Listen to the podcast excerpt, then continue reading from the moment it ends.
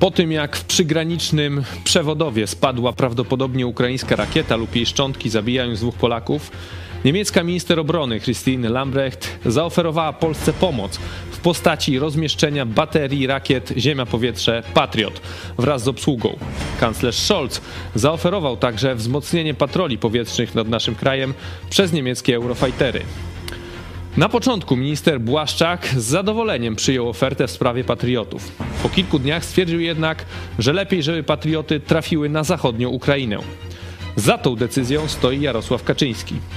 O polskiej propozycji podobno nie wiedział nic prezydent Andrzej Duda, który stwierdził z kolei, że niemieckie patrioty powinny stacjonować w Polsce i strzec przede wszystkim polskich obywateli. Na polską propozycję zareagowali Niemcy, stwierdzając, że te baterie są częścią obrony powietrznej NATO i mogą być rozmieszczone jedynie na terytorium NATO. Rozmieszczenie na Ukrainie wymagałoby konsultacji w całym NATO. Dlaczego Jarosław Kaczyński nie chce niemieckich rakiet w Polsce? O co w tym wszystkim chodzi? To jest program Idź pod prąd na żywo. Tymoteusz Chojecki, zapraszam. Jesteście przestępcami.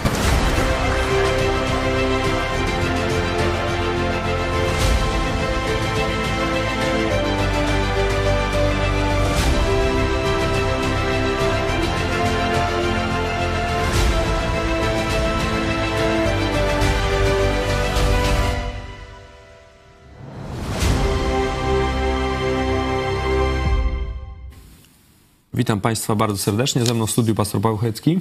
Witam również bardzo serdecznie. A na łączach redaktor Michał Fałek. Witam Cię Michale. Witam Ciebie, witam Was drodzy widzowie. Witam Was drodzy widzowie. Przypominamy o subskrypcji naszego kanału, o polubieniu naszego e, programu o sądzie także, którą mamy na mediach społecznościowych. Tam jest pytanie, co sądzisz o tych patriotach? Czy powinny zostać w Niemczech, czy zostać przekazane Polsce, czy Ukrainie? Możecie się wypowiadać. Na koniec podamy wyniki. Przypominamy także o wsparciu telewizji Idź Pod Prąd. Zbliżamy się do końca listopada. Pamiętamy o co miesięcznym e, challenge'u pastora Hejeckiego, czyli tysiąc gitar, tysiąc osób, żeby wsparło telewizję Idź Pod Prąd. Na dzisiaj jest 25 dzień listopada, mamy ponad 600 gitar, także jeszcze trochę do celu e, brakuje. Zachęcamy Was do wsparcia. Idź pod prąd.pl wsparcie, tam znajdziecie szczegóły. Jesteśmy także na Patronajcie. A my przechodzimy do, do tych patriotów, bo to już jest e, temat od poniedziałku e, maglowany, bo w poniedziałek Niemiecka minister złożyła tą propozycję. No na początku była cisza, ale po paru godzinach minister Błaszczak e, napisał na Twitterze, że z satysfakcją przyjąłem e, propozycję niemieckiej minister e, obrony podczas dzisiejszej rozmowy ze stroną niemiecką zaproponuję, by ten system stacjonował przy granicy z Ukrainą. Potem jeszcze raz to potwierdził, że liczę na szybkie przedstawienie szczegółów przez stronę niemiecką. No i minęło kilka dni. Wydawało się, że, że tak będzie. Mówiliśmy jeszcze tak we wstępie, że, że kanclerz Scholz zaproponował te myśliwce Eurofighter, żeby też latały nad Polską i chyba po trzech dniach e, minister Błaszczak napisał, po kolejnych atakach rakietowych zwróciłem się do strony niemieckiej, aby proponowane mm, baterie Patriot zostały przekazane na Ukrainę i rozstawione przy zachodniej granicy. To pozwoli uchronić Polskę przed kolejnymi ofiarami i blackoutem, y, przepraszam, Ukrainę i blackoutem i zwiększy bezpieczeństwo przy naszej wschodniej granicy. No, Niemcy dosyć szybko y, odpowiedziały, że no tak nie będzie, no bo to to by znaczyło, że niemieccy żołnierze wylądują na Ukrainie, że, że te rakiety stacjonują. To jest system NATO, tak jak mówiłem we wstępie. No, dosyć dużo ludzi zaraz po, e, po tym oświadczeniu Błaszczaka no, mówiło, że to, no, to jest jakieś nieprzemyślane, no bo to by oznaczało, że NATO w rzeczywistości wejdzie na Ukrainę, stanie się częścią, e, częścią tej wojny. Wiadomo, że to tak, to nie z inicjatywy Polski pewnie by takie decyzje by padały. Jarosław Kaczyński w wywiadzie dla Polskiej Agencji Prasowej powiedział: Uważam, że dla bezpieczeństwa Polski najlepiej byłoby, gdyby Niemcy przekazali ten sprzęt Ukraińcom, przeszkolili ukraińskie załogi z zastrzeżeniem, że baterie miały być te rozlokowane na zachodzie Ukrainy. Wówczas pozwalało to by zabezpieczyć skuteczniej niż przy pomocy rakiet S-300. Z drugiej strony uchroniłoby to nas przed tego rodzaju wydarzeniami, jakie to, które miało miejsce w Przewodowie. Jednocześnie, gdyby Rosjanie postanowili nas zaatakować, to też byłoby to dla nas ochrona. Takie rozwiązanie uznałbym za optymalne i pokazujące, że Niemcy dokonują rzeczywistej zmiany postawy, a nie pewnego aktu o charakterze propagandowym, czyli on to traktuje jako akt o charakterze propagandowym. Możemy sobie przypomnieć w 2014 roku, możemy pokazać Państwu ten artykuł, myśmy o tym już też kiedyś rozmawiali, jak tam y, wtedy minister Sikorski mówił, że żołnierze NATO będą stacjonować w Polsce. Wtedy Jarosław y, Kaczyński powiedział, że y, powinny to być wojska amerykańskie. Nie życzyłbym sobie wojsk niemieckich na polskim terytorium. Przynajmniej siedem pokoleń musi minąć, zanim to będzie dopuszczalne. Tak stwierdził wtedy w 2014 roku Jarosław Kaczyński. Myślicie, że że to chodzi o to, że to niemieckie, y, że niemieccy żołnierze, że nie powinni stać na polskiej ziemi jakoś, chociaż przecież często stoją na jakichś ćwiczeniach i tak dalej, czy, czy chodzi o coś więcej, że tu PiS tak walczy z tą Unią Europejską, aby tu Niemcy nagle miały nam pomagać? E, kiedy usłyszałem tę propozycję ministra Błaszczaka, no to ją pochwaliłem nawet, że to ciekawe, ciekawe rozwiązanie, żeby e, w sposób prawdziwy wesprzeć obronę przeciwlotniczą Ukrainy. Wiemy, że tu, w tym obszarze jest największa dysproporcja, lotnictwo i rakiety. W armii lądowej, no to jest e, już teraz, można powiedzieć, jasna przewaga e, strony ukraińskiej, w artylerii też e, i tak dalej, mm, ale znaczy w artylerii w skuteczności, bo ilość artylerii no tak, to oczywiście... są te ataki rakietowe. Tak, najgroźniejsze ataki lotnicze i rakietowe, gdzie Ukraina jest w dużej części bezbronna, szczególnie, że Putin zaplanował ludobójstwo za pomocą zniszczenia infrastruktury życiowej dla cywili, czyli prąd i woda woda, nie? szczególnie w obszarze, zim, w, w, tym okresie zimowym. Podobne to jest do tego chłodo, chłodomoru, y, który Stalin zafundował Ukraińcom w latach 30., żeby wybić y, bogatszych y, Ukraińców, w ogóle zniszczyć naród ukraiński, kułaków i, i tak dalej. I miliony ludzi poniosło śmierć z głodu, bo właśnie Armia Czerwona zabrała im żywność i pilnowała składów zboża, a obok ludzie umierali masowo. Nie? To dokładnie to samo bestialstwo powtarza dzisiaj Rosja Putina. Także tu ta propozycja ministra e, Błaszczaka wydała mi się bardzo ciekawa e, z tego względu, że po pierwsze realna ochrona, realna ochrona e, nieba ukraińskiego, przynajmniej w zachodniej Ukrainie, ale to już jest duży plus, bo przynajmniej Lwów by był chroniony, Kowel, Wołyń tutaj i tak dalej. Pokazałoby to też większe zaangażowanie Niemców po e, stronie ukraińskiej, bo wiemy, że Niemcy praktycznie liczyły na zwycięstwo Putina i tak ustawiały pomoc Ukrainie, żeby ona nigdy nie nadeszła, nadeszła za późno, albo żeby była niekompletna, nie nadająca się do użytku. I tu e, Niemcy robili to konsekwentnie i do dzisiaj to, to robią. była wtedy największa chyba pomoc, bo żadne inne państwo żołnierzy na Ukrainę jeszcze nie wysłało. No tu właśnie nie chodzi o wysłanie żołnierzy, bo ta propozycja w szczegółach to jest, żeby przeszkolić e, obsługi no to, ukraińskie. To, to, przeszkolenie na rakiety Patriot trwa 2 do 2,5 roku, także to... Czyli musiały mogą, być... No pewnie Ukraińcy robią takie rzeczy szybciej przy okazji wojny, no ale to myślę pół roku to jest bite. Myślę, że więcej, nie? Czyli musiałyby, y, można by pomyśleć, to wiecie, jak politycy chcą coś załatwić, to naprawdę załatwiają. No na przykład w Stanach Zjednoczonych e, stworzono te, tę prywatną firmę mm, zbrojeniową i tam, gdzie nie mogły jakieś tam być jednostki czy coś, no to, e, to były mm, jednostki prywatne, jak gdyby. Nie? też mają coś takiego. Tak, dlatego mówię, że to by się dało zrobić. Wystarczyłoby przenieść do cywila tych y, mm, żołnierzy Bundeswehry, którzy umieją obsługiwać ten system przeciwlotniczy no i potem e, ich, e, że tak powiem, jako pracowników cywilnych. no, tak byłoby to dosyć grubymi nićmi szyte. Byłoby, tak ale dałoby się. się. dałoby się e, zrobić, nie? Także tu sam pomysł... To jest nierealna propozycja. No. Sam pomysł wciągnięcia silniej Niemiec i całego NATO do obrony Ukrainy oceniam jako pozytywny. Oczywiście to też y, zwiększa szanse obronne Polski, no bo wiecie, nawet jakby te rakiety stacjonowały blisko granicy, no trudno, żeby nad samą granicą, y, one tam mają chyba minimalny zasięg 3 kilometry, y, o ile pamiętam. Maksymalny to tam też nie jest jakiś Mówię duży, o- jest, tak, tak, 70 km do 100 tam maksymalnie. Do w zależności- 160 zdaje się najlepsza Nie, wersja ale- tam ma. Zależy jak szybko leci rakieta w drugą stronę. tak, jak tak, leci bo- szybko, to nawet jest 40 km. Tak, no bo chyba pociski te najlepsze mają około 5 machów, a rakiety ros- rosyjskie tam już wiemy, że 7 i więcej, nie? Także e, tu jest e, pewien... 7 machów to nie, ale no tak No gdzieś ta rakieta, porównywalnie. tak? przeciwrakieta No to 7 właśnie miała tak? 7. To, to, to jest mach 1200. No, trochę mniej, powiedzmy tam niecałe 6, nie? W każdym bądź razie, e, nawet rozmieszczenie na terytorium Polski, gdzieś blisko granicy, no takiego systemu przecież na przejściu granicznym się nie, nie, nie rozstawi, tylko to w gdzieś w rzeczywistości tam... mogłoby zabezpieczyć Zamość pewnie. Może Lublin, Chełm, może Chrubieszów. Rzeszów oczywiście też i tak dalej. Rzeszów to i tak on ma swoje, te patrioty. No tak, ale mówię e, o zasięgu tych rakiet.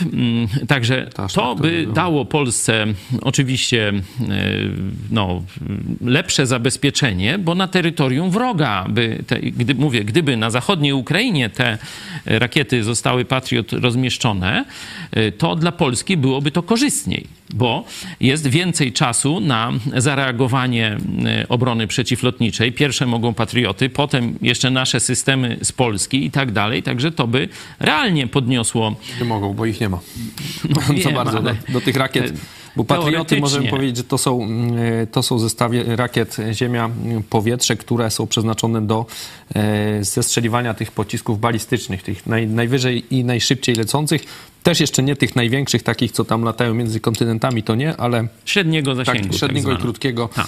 E, coś takiego. Polska takich rakiet e, no na razie oficjalnie nie ma. Tam są, e, my kupujemy te baterie e, rakiet od Ameryki w tym e, w programie No, za Wisła. parę lat. E, Mamy już, są już w Polsce dwie baterie e, chyba amerykańskie i dwie baterie polskie teraz tam e, ćwiczą, bo już tam zostały, powiedzmy komponują się, bo tam już zostały częściowo wyprodukowane, także też pewnie gdzieś tu na wschodzie e, stacjonują, no ale poza tym no I to nie te- mamy wielkich zdolności do zwalczania takich pocisków. szczegóły, zasada jest taka, że o wiele bezpieczniej jest y, prowadzić wojnę poza swoim terytorium. Czyli jeśli by te rakiety, które lecą ewentualnie w kierunku Polski, były zestrzeliwane nad zachodnią Ukrainą, to to jest bardzo korzystne dla Polski. Bo No ale zestrzenie, wracając do tego zestrzelenie, tematu, nie taka była propozycja Błaszczaka, no bo on chciał, żeby niemieckie wojsko poszło na Ukrainę. Tak, no ale można nad taką propozycją pracować i ją doszlifować, jeśli... Ale no Niemcy od razu powiedzieli, że nie, nie, nie my nie chcemy. Ja tylko mówię, że ta propozycja w pierwszym tym wydaniu ma elementy, ma elementy korzystne i trzeba to podkreślać, nie? Że, że tu jakiś taki kierunek, żeby e, Niemcom zrobić sprawdzam, żeby wzmocnić Ukrainę, żeby zaangażować NATO po stronie Ukrainy, to są dobre kierunki, nie? To to jest bezsporne. A teraz Ale można powiedzieć, że to jest z kolei takie stawianie warunku za wysokiego, wiedząc, że Niemcy się nie zgodzą i żeby nic z tego nie wyszło. To może być też taka gra. A teraz mm, pozwól, że powiem swoją opinię negatywną. E, Cała ta historia obnażyła brak e, jakiejkolwiek demokracji w Polsce. Bo o tym ani nie zdecydował, jak się okazuje, minister Błaszczak, cywilny, że tak powiem, nadzorca e, armii. O tym nie zdecydował prezydent, który no, w, czasie tam konfliktu, wojny. Tym zdecydowała najważniejsza osoba w państwie. No to nie wiem, o co ci chodzi. No. Czyli w Polsce nie ma demokracji, tylko jest jakaś forma dyktatury. Kaczystan. Kaczystan to się nazywa. Czyli człowiek, który nie ma realnie żadnej władzy, tę władzę sprawuje. No gdyby jeszcze Jarosław Kaczyński tę władzę sprawował, no to przynajmniej mielibyśmy tak zwaną dyktaturę jawną. Ale istnieje wysokie prawdopodobieństwo, że nawet Jarosław Kaczyński nie sprawuje tej władzy tak całkowicie niezależnie, tylko sterują nim jeszcze jakieś inne czynniki. Wtedy mamy do czynienia z dyktaturą niejawną i to jest najgorszy ze scenariuszy, który rozważam. Michale, co ty sądzisz o, e, o tym, co się dzieje, o tej całej gmatwaninie związanej z patriotami, tej przepychance? E, No mamy już dzisiaj piątek, tak, czyli to już pięć dni trwa. No wydaje się, że w takim razie no, nic z tego nie wyjdzie, patrioty zostaną w Niemczech. No tak, nic z tego nie wyjdzie, bo propozycja. Teraz można się zastanowić, dlaczego mm, strona niemiecka tę propozycję złożyła. Czy rzeczywiście był to gest dobrej woli, czy chcieli poprawić swój PR, który jest generalnie słaby. I w Europie, i nie tylko, myślę, w związku z tym, jak, jak Niemcy funkcjonują, jak oni się E, nastawiają do wojny. To, co też teraz ostatnio wyszło, że właśnie liczyli na e, rzeczywiście na przegraną Ukrainy.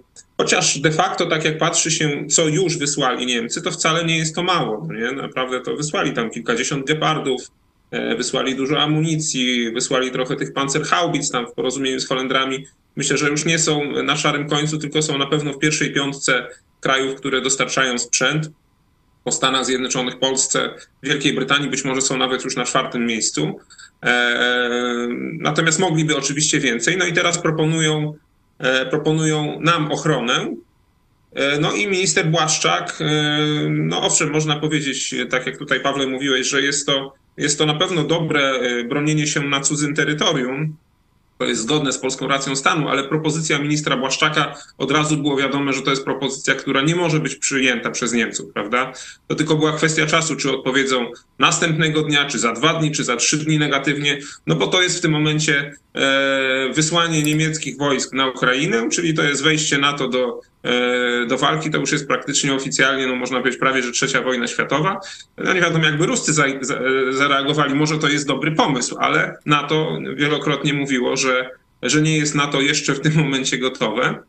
E, co z tym, co z tym szkoleniem? To rzeczywiście jest tak, jak ty, e, Tymku, mówiłeś, że nawet ja, ja czytałem informację, że trzy lata jest, jest czas na, na szkolenie, na wprowadzenie, na wdrożenie systemu Patriot w jakimś tam kraju. Czyli trzy lata to szacujemy, że to już powinno być dawno po wojnie. Przynajmniej taką mamy nadzieję, że wojna zakończy się w następnym roku. E, czyli Błaszczak, e, no wiadomo, to Kaczyński podjął taką decyzję, no ale Błaszczak tutaj wygłosił ją. E, zrobili coś, e, co jest nierealne, nie do, nie do przyjęcia. Myślę, że nie tylko Niemcy, ktokolwiek by taką propozycję wcześniej e, wystawił, jeżeli Amerykanie by zaproponowali e, na przykład, że patrioty będą tutaj chociaż niedaleko są amerykańskie patrioty i też myślę, że są w stanie chronić jakąś część naszej ziemi e, bo przecież są koło Rzeszowa amerykańskie patrioty w tym momencie rozlokowane. E, ktokolwiek by taką propozycję Polsce nie złożył, to kontrpropozycja wypowiedziana e, przez pana Błaszczaka dwa dni czy trzy dni później od razu tę propozycję zarżnęła. Nie? I teraz można się zastanowić, dlaczego PiS tak zrobił. Czy powodem było tylko ta niechęć, żeby niemieccy, niemieccy żołnierze y, byli na ziemi polskiej, y, Jarosława Kaczyńskiego, która, która no kiedyś była wypowiedziana, o czym też mówiliście, czy jakiś był jeszcze inny powód, tak? Y, czy po prostu to jest jakaś, jakaś rzeczywiście głupota i brak myślenia strategicznego. Tutaj teraz wszyscy atakują PiS, że jeżeli kolejna rakieta spadnie gdzieś tam na ziemię polską, no to już w tym momencie to będzie ewidentnie wina Jarosława Kaczyńskiego, że nie ma tych patriotów. Chociaż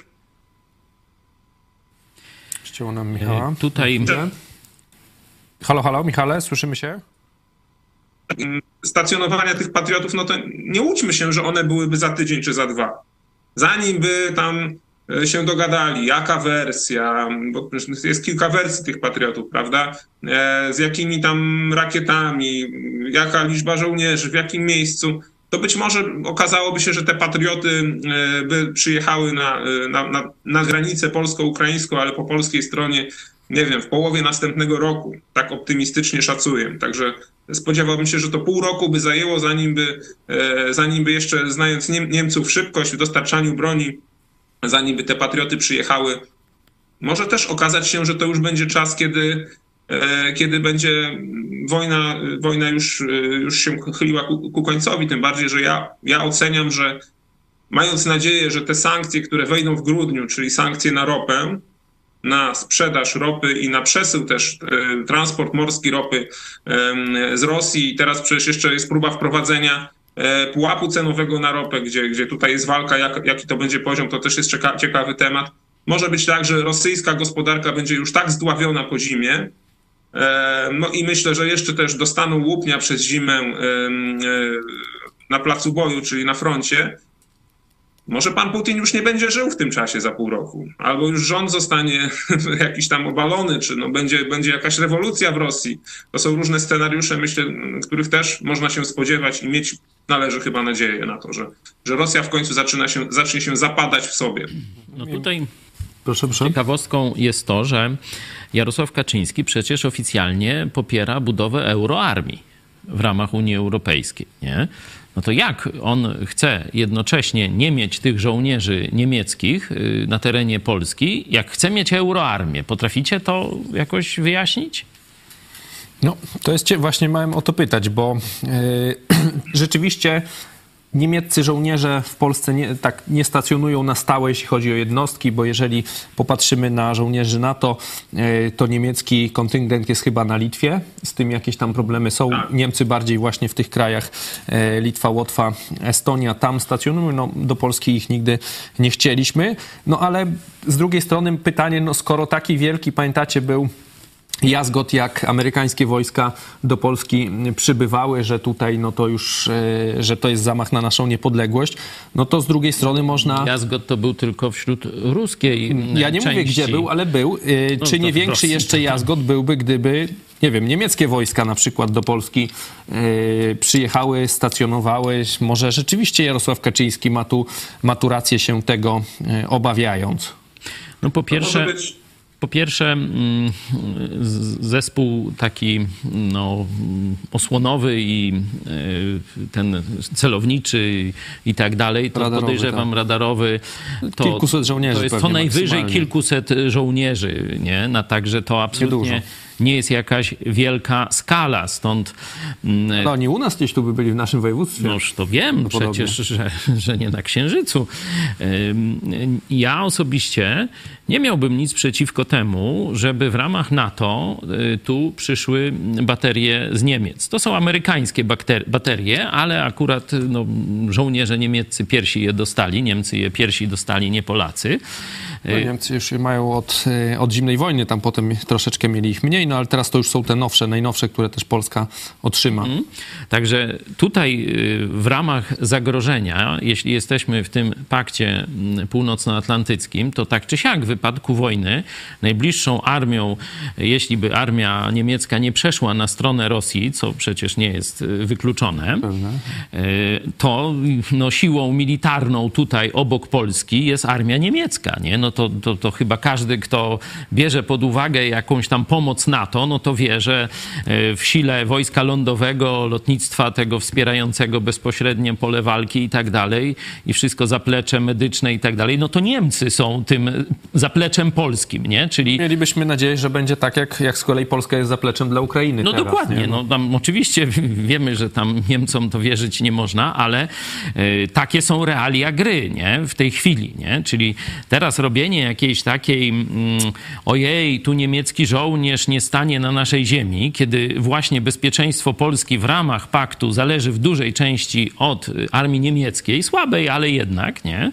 Z dużym na pewno zapleczem, y, no jest moim zdaniem jakimś takim dość teatralnym zagraniem, a nie realnym. Ja uważam, no oczywiście, jeśli by się nie udał ten scenariusz, żeby wysłać mm, te rakiety, em, przeciwrakiety dokładnie mm, na terytorium zachodniej Ukrainy, no to lepiej, żeby one były w lubelskim niż w Niemczech, nie? Czyli co, chodzi tylko o taką politykę, że tu PiS gra e, tą kartą antyeuropejską od dawna, jest przede wszystkim, tak mówi, że jest anty niemiecki, że ta Unia zła, no a teraz no by to troszeczkę ten oręż został wytrącony, no bo, no bo jakby oni za każdym razem Niemcy krytykowali, no to ktoś by mógł powiedzieć, no co wy tak rzucacie na tych Niemców, skoro oni bronią teraz e, waszego nieba.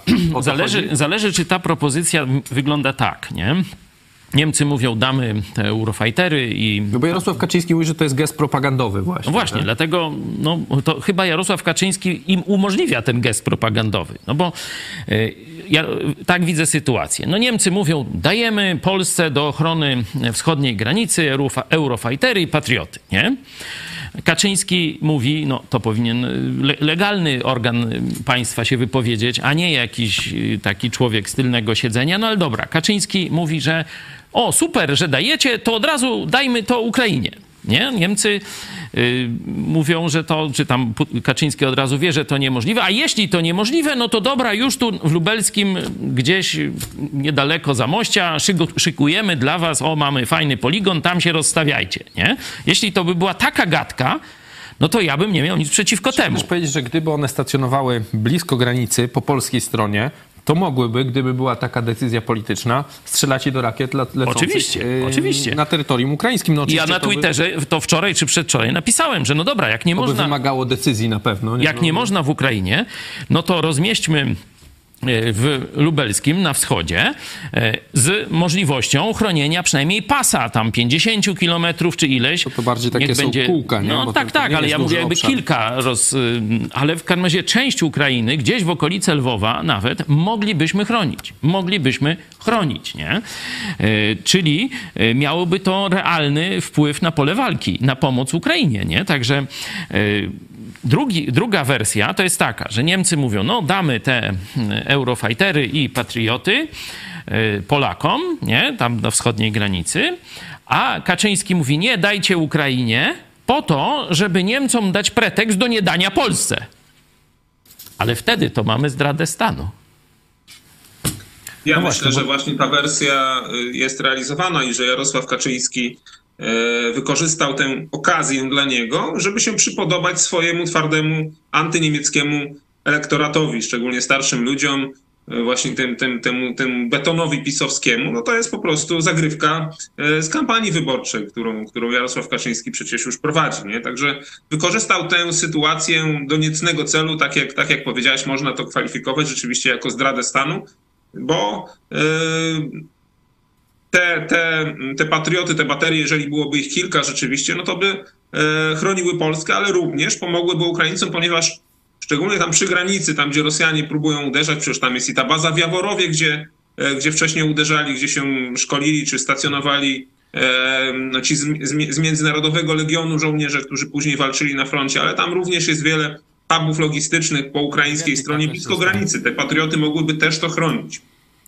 E, Michale, to co myślę powiedziałeś gdzieś tam wcześniej w trakcie twojej wypowiedzi, no, gdy kolejna rakieta teraz wleci do Polski, być może ktoś zginie. Już teraz nie mówimy, czy to będzie ukraińska, czy rosyjska, bo jakby to nie ma wielkiego znaczenia, e, jeśli ktoś zginie, no to to będzie obciążało e, teraz PiS. Znaczy Rosji oczywiście, nie? No, tak, ale, ale teraz zaraz będą głosy, no, bo no, że mogliście te rakiety wziąć. Może by została, e, zostało to życie uchronione. Tutaj jeszcze odnośnie e, wcześniejszej naszej rozmowy e, Czarek nam podsyła wypowiedź ministra Błaszczaka. Dzisiaj powiedział, strącanie rakiet z terytorium Polski nad Ukrainą oznaczałoby wejście Polski do wojny, a tego nie chcemy. Czyli taki scenariusz, chociaż no nie, gdzieś tam nie, było. No to... Pamiętamy przed kilkoma dniami, spokojnie, zaraz spokojnie. Po, tej, po tym wydarzeniu w Jaworowie było niech, mówione, niech Błaszczak... jeszcze chwilę dokończę, że, że Polacy, było mówione, że Polska naciska na NATO, żeby właśnie taki pas, żeby wydać taką decyzję, e, że będziemy zestrzeliwać rakiety nad zachodnią Ukrainą. Widać, że dzisiaj po ponad tygodniu ta narracja się zmieniła, czyli pewnie na to odpowiedziało, że nie, do tego nie dopuścimy. E, to, co Błaszczak powiedział, to jest bzdurą. Inne państwo NATO, weźmy, Turcję, która prowadzi osło, os, y, obronę swoich granic na terytorium Syrii. Turcja w ogóle wchodzi tam. No właśnie, Syrię, tak? nie tylko samolotami, nie tylko obroną przeciwlotniczą, wysyła lotnictwo, bombarduje, teraz chce właśnie armię lądową jeszcze wysłać. No tylko, Czyli... że to jest troszeczkę inny przeciwnik, tam jakaś, jacyś partyzanci w Syrii, a tu mamy mocarstwa atomowe. Tak, ale Syria jako inaczej. państwo istnieje, jest członkiem ONZ-u i tak dalej, a... Yy, ale może można nie, powiedzieć, ale... że Turcja wchodzi do wojny. No czekaj, Gdzie jest wojna, wojsko tureckie działa w Syrii, a żadnej wojny nie ma. No, można powiedzieć, że jest uczestnikiem tej wojny. wojny no, no to sobie możesz powiedzieć, ale oficjalnie nie ma wojny, bo y, tu y, Błaszczak powiedział, że to byłby automatyzm, że jeśli by... No właśnie, tak. że jeśli polska rakieta, znaczy z Polski wystrzelona, y, zestrzeliłaby nadlatujący na Polskę y, pocisk rosyjski na terenie Ukrainy, że to by było automatycznie wejście do wojny. To jest nieprawda. Turcja robi to na terytorium Syrii i żadnej wojny oficjalnie syryjsko-tureckiej nie ma, także... No zestrzeliła przecież nawet samolot Ruski samolot kacapski nawet spadł. 5-6 lat temu. Także e, takich bzdur proszę tu nie opowiadać. No ale widać, że, no bo my tutaj sobie możemy tutaj ze studia mówić, że to by nic nie oznaczało, no ale widać, że rzeczywiście ci eksperci, czy w ogóle ludzie decyzyjni, no mówią, że ten, ta propozycja zestrzeliwania rakiet, z terytorium Polski e, jest, e, no, jest niemożliwa na razie. To mówił na przykład doktor Pawłuszko, e, zdaje się w zeszłym tygodniu mieliście z nim program, że to by prowadziło do dalszej eskalacji, że zaraz by Rosjanie gdzieś tam w Ale co- no, co by e, zrobili? No, rozmieścili. jestem. No, no, co? mówił, no byłeś w tym programie. No wiem, ale chodzi mi Nie, nie, w w Polsce tym nie byłem spadło. akurat. Byłeś E, chyba. ym, y, Chodzi o to, że Rosja jest na wykończeniu. Rosja już nie ma co wystawić. Także gadanie o tym, że to by jakąś tam eskalację spowodowało, e, jest, no, że tak powiem, No, nie, niezgodne z faktami. To, że Rosja nie ma co wystawić, to słyszymy już od pół roku, że te rakiety jej się kończą, a co, No ale co tydzień myślisz- e, kilkaset rakiet No to- ale e, czekaj, no to Polski wyobraźmy na sobie- Ukrainę spada. wyobraźmy I, sobie- I jestem w stanie sobie wyo- wyobrazić, No ale że czekaj, jakaś nie wiesz, by do nie wiesz Polski jaki poleciała. scenariusz chcecie zapytać. Proszę. Leci ruska rakieta w kierunku Polski. W okolicach Przemyśla zostaje strącona z terytorium Polski. I co Rosja nam może zrobić? No, No to, to doktor Pawłuszko ci odpowiedział w tamtym programie. No. no to po, odpowiedz mi ty. to ja ci nie będę całego prawa Nie, rozmawiać. no ale- Powiedział, że, Ukra- że Białoruś e, w Co odpowiedzi może na nam przykład zrobić Rosja dzisiaj? Instalowałaby systemy rakiety przeci, rakiet przeciwlotniczych w okolicy Brześcia No i, i zaraz dobra. jakaś rakieta zabłąkałaby się w terytorium Polski. Polska żadnej tarczy antyrakietowej nie ma, no i, i polski cylu, zaraz jeśli, Polacy zginęli. Jeśli Polska, nie co ma, zrobił? Jeśli Polska nie ma żadnej tarczy antyrakietowej, Żadnej nie ma praktycznie. to ruska rakieta w każdej chwili może No, ale w Polskę To, walnąć. na razie nie jest prowokowana, także tutaj my Jak możemy to? przez studia mówić różne rzeczy, ale ja ci mówię, jakie są fakty. No nikt poważny takiego e, na razie, e, takiej woli, żeby Polska zestrzeliwała rakiety na terytorium Ukrainy, nie zgłasza. No my możemy sobie tu No twierdzić, zaraz. że jednak to Zdaje by się Jarosław było Kaczyński fajnie. i Błaszczak zgłosili coś takiego. No nie, oni zgłosili, żeby Niemcy pojechali na Ukrainę, a nie, żebyśmy my z No Polski tak. zestrzeliwali Ale- te rakiety na Ukrainie. Dzisiaj minister Błaszczak, tak jak Przecież- powiedziałem, powiedział, że nie chcemy na razie do tej wojny wchodzić. Przecież to jest jednoznaczne. Czy by weszli tam Polacy, czy Niemcy, to weszłoby NATO. No, weszłoby na to, ale To to nie jest... mówmy, że nikt poważny takiej No nie, nie, zgłasza. Mówię ci, jeszcze raz mówię, e, o czym, e, Bo że Jarosław jest nikt poważny, wszystko. nie zgłasza propozycji zestrzeliwania rakiet rosyjskich z terytorium Polski. O to mi chodzi. Na razie takiej e, propozycji nie było nigdzie. Wracając jeszcze do tej sytuacji, jeśli chodzi o przekazanie tych patriotów, mi jak obserwowałem to, to przypomniała mi się sytuacja z migami polskimi. Nie wiem, czy pamiętacie. Początek wojny, Zaraz była akcja przekazania polskich migów. I też na początku tam było, że my chcemy, na początku, że nie chcemy, czy Polska przekaże, nie przekaże. W końcu był taki tweet, y, chyba ministra też Błaszczaka, że Polska może przekazać, ale do bazy w Ramstein i stamtąd niech Amerykanie przekażą Ukraińcom. Po czym y, Amerykanie z kolei powiedzieli, że nie, że oni nie, nie mogą przekazać z Ramstein, że to Polska mogłaby przekazać. No i ta sytuacja jakoś tam upadła. Podobno później nieoficjalnie się mówili, że przekazywano Przez E, czy- Słowację, e, Znaczy, tam. nie, że, że przekazywano części zamienne, pociski do tych, e, do tych e, migów też. Że, że, i, I potem jakby to był początek, jakby początek tej pomocy. Pierwszy punkt to były migi, pamiętacie, zaraz pierwszy tydzień chyba wojny, nie? E, To upadło. Potem przez wiele miesięcy Polska przekazała mnóstwo innego sprzętu, czołgi, artylerię, różne takie rzeczy już bardziej po cichu. No, wydawało się, że to, to hula, jakby to przekazywanie i teraz znowu wróciliśmy do tej dyplomacji y, na Twitterze. Znowu jest ten sam efekt, czyli, czyli fiasko. Y, Co się stało? Jak, jak myślicie, jaki będzie dalszy ciąg? Czy nic po prostu się już w tej sprawie nie stanie? Michale, jak ty y, sądzisz na ten temat? Koniec tematu niemieckich patriotów w Polsce? Halo, halo? Teraz może się połączymy z Michałem. Jak myślisz, co będzie dalej? Czy ten temat po prostu został zabity przez, przez PiS, czy, czy gdzieś tam, nie wiem, teraz może za, za miesiąc znowu jednak do Polski trafi, czy, czy to już jest koniec e, w tym momencie rozmowy? No, na pewno to nie jest tylko decyzja Polski czy Niemiec, tylko tu zdanie Stanów Zjednoczonych jest kluczowe, no bo Stany Zjednoczone e, produkują te systemy i je e, nadzorują, uzupełniają amunicję i tak dalej, i tak dalej. Także tu decyzja Stanów Zjednoczonych jest kluczowa. Tam teraz w tej niższej Izbie Reprezentantów e, zdobyli większość republikanie, którzy w jakiejś części, nie wszyscy dzięki Bogu, domagali się ograniczenia e, pomocy Ukrainie. I Biden zapytany po tej zmianie warty w, e, w Izbie Niższej, e, w Izbie Reprezentantów, czy no, to oznacza, że teraz będzie zmniejszenie pomocy, to on powiedział absolutnie nie, że to nie jest czas, żeby Ukrainę pozostawić teraz no, bez pomocy na pastwę Rosji. Nie? Czyli tu decyzja Stanów... Kolejny pakiet chyba został Tak. niedawno ogłoszony. Decyzja- Kilkaset milionów znowu dolarów. Ma Decyzja Stanów Zjednoczonych jest y, no, dalej w grze, chociaż ewidentnie widać, że e, tu naciski się zwiększyły na Ukrainę, żeby się zgodziła na jakiś rodzaj pokoju. E, I że y, jak gdyby impet armii, ofensywy armii ukraińskiej nieco spadł nie? po zdobyciu Hersonia. Teraz Rosja no, te naloty dywanowe praktycznie na całe terytorium Ukrainy e, chce zniszczyć morale społeczeństwa ukraińskiego. E, Tu ciekawy ruch wykonała Wielka Brytania, przekazując bojowe helikoptery. Zobaczcie, Trzy, tak, że, trzy Seahawki. że chyba. tu tak się nazywają. Ciekawe, czy y, właśnie już przeszkolili Ukraińców, no bo też taki helikopter, jego obsługa to nie jest tam, wiecie, w 15 minut, że się tam y, człowiek nauczy, także no to, to też mamy troszeczkę podobny Prawdopodobnie problem. było, znaczy to już w ogóle za- zaraz na początku wojny były takie informacje, że jak tylko wojna wybuchła, to od razu część, e, jakaś grupa ukraińskich pilotów poleciała do Stanów Zjednoczonych na szkolenie, czy już teraz są szkoleni, no już niedługo będzie rok, tak? No już ponad pół roku wojna trwa, czyli niedługo teoretycznie pewnie mogliby już nawet na F-16 latać. Może tak samo było z tymi helikopterami. Tak. Takie informacje były, że się szkolą na F-16, dokładnie. Wydaje mi się, że to jest, można to y, sprawdźcie, ale z pamięci rzecz y, biorąc, to są chyba pierwsze y, sprzęt lotniczy przekazany Ukrainie, nie?